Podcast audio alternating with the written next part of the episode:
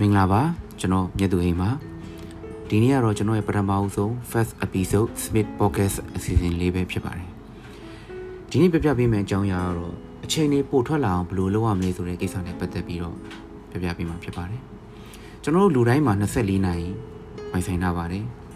ဒါပေမဲ့ကျွန်တော်တို့ရဲ့အချိန်ကုန်မှန်းမသိကုန်သွားကြတယ်အချိန်တွေမလောက်ကြဘူးအလုပ်တွေရှုပ်တဲ့ကိစ္စနဲ့ပတ်သက်ပြီးတော့အချိန်တွေပို့ထွက်လာအောင်ဘယ်လိုလုပ်ရမလဲဆိုတဲ့အချက်လေးချက်ကိုကျွန်တော်ပြပြပေးမှာဖြစ်ပါတယ် နံပါတ်1ကျွန်တော်တို့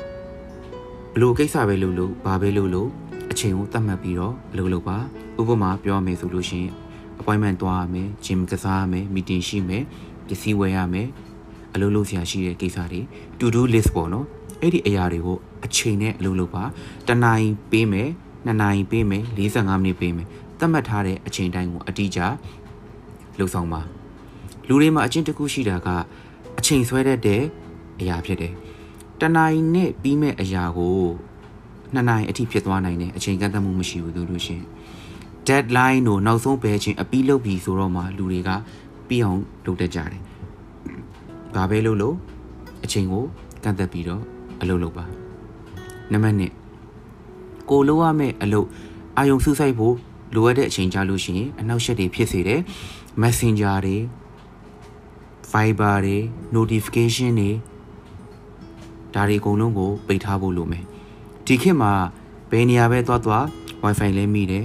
3G လည်းများသောအားဖြင့် on ပြီးတော့သွားရတာဖြစ်တဲ့အတွက်ဒီလိုမျိုးအနောက်ရှက်တွေဟာအမြဲတမ်းပေးတတ်တယ်ဒါကြောင့်မို့လို့လိုအပ်မယ်ဆိုလို့ရှိရင် disturb mode တွေဖွင့်ထားဖို့လိုမယ်တကယ်အရေးကြီးတဲ့အချက်လက်ဆိုလို့ရှိရင် airplane mode တွေဖွင့်ထားနိုင်ဖို့လိုမယ်နံပါတ်3ကျွန်တော်တို့တွေအချိန် ကုန်မှန်းမသိကုန်သွားတဲ့အရေးကြီးဆုံးကိစ္စတစ်ခုကတော့ကျွန်တော်တို့လက်ထဲမှာကင်ထားတဲ့ဖုန်းပဲဖြစ်ပါတယ်။တနေ့ကို screen time က4နာရီကနေ8နာရီ average ရှိတယ်။ဘာတွေပါလဲဆိုတော့ Facebook သုံးတဲ့အချိန်ပါမယ် Instagram ပါမယ် YouTube ပါမယ် TikTok ပါမယ်ကျွန်တော်တို့တည်င်းအချက်လက်ချရှားတဲ့ကိစ္စပဲဖြစ်ဖြစ်ဒီ YouTube ကနေ landing လုပ်ရတဲ့ကိစ္စပဲဖြစ်ဖြစ် information လိုအပ်လို့ရှားတဲ့ကိစ္စပဲဖြစ်ဖြစ်ဒီအရာတွေတက်ကျွန်တော်တို့အသုံးချနိုင်နေဆိုလို့ရှိရင်တော့ပိုကောင်းတာပေါ့ဒါပေမဲ့ဒီအရာတွေအသုံးချဖို့ကကျွန်တော်တို့ထင်ထားတဲ့အချိန်တွေကိုပို့ပြီးတော့ကုန်သွားတာကပြဿနာပါအဲ့တော့ကျွန်တော်တို့ဘာတွေလုပ်လို့ရမလဲဆိုတော့ကျွန်တော်တို့မှာဖုန်းတိုင်းမှာပါတဲ့ function လေးတစ်ခုကိုကျွန်တော်တို့ဖွင့်ထားလို့ရမယ် Facebook သုံးတာများမယ်ဆိုလို့ရှိရင် Facebook ကိုတနေ့ကိုဘယ်နှစ်နာရီပဲသုံးမယ်ဆိုတဲ့ set time limit ဆိုတဲ့အရာကိုကျွန်တော်တို့ လုပ်လို့ရတယ် limit ရောက်ပြီဆိုတာနဲ့ပြေသွားပြီဆိုတာနဲ့ကိုရီကို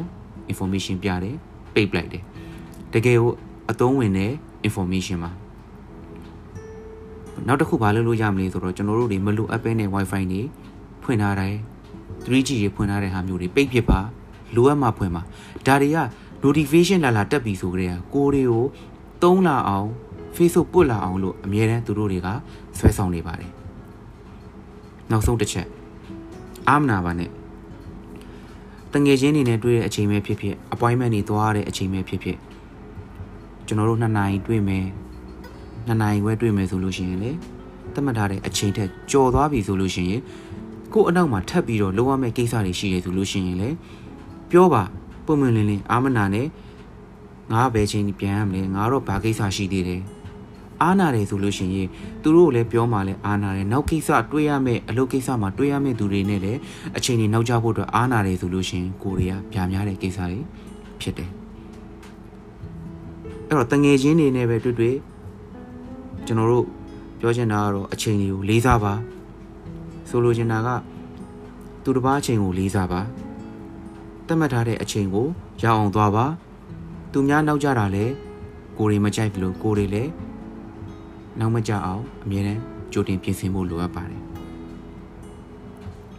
ဒီနေ့ပြပြပေးတဲ့အကြောင်းအရာကတော့ကျွန်တော်တို့အချိန်တွေပိုထွက်လာအောင်ဘလို့လုပ်ရလဲဆိုတဲ့အချက်၄ချက်ပဲဖြစ်ပါတယ်အားလုံးကျေးဇူးတင်ပါတယ်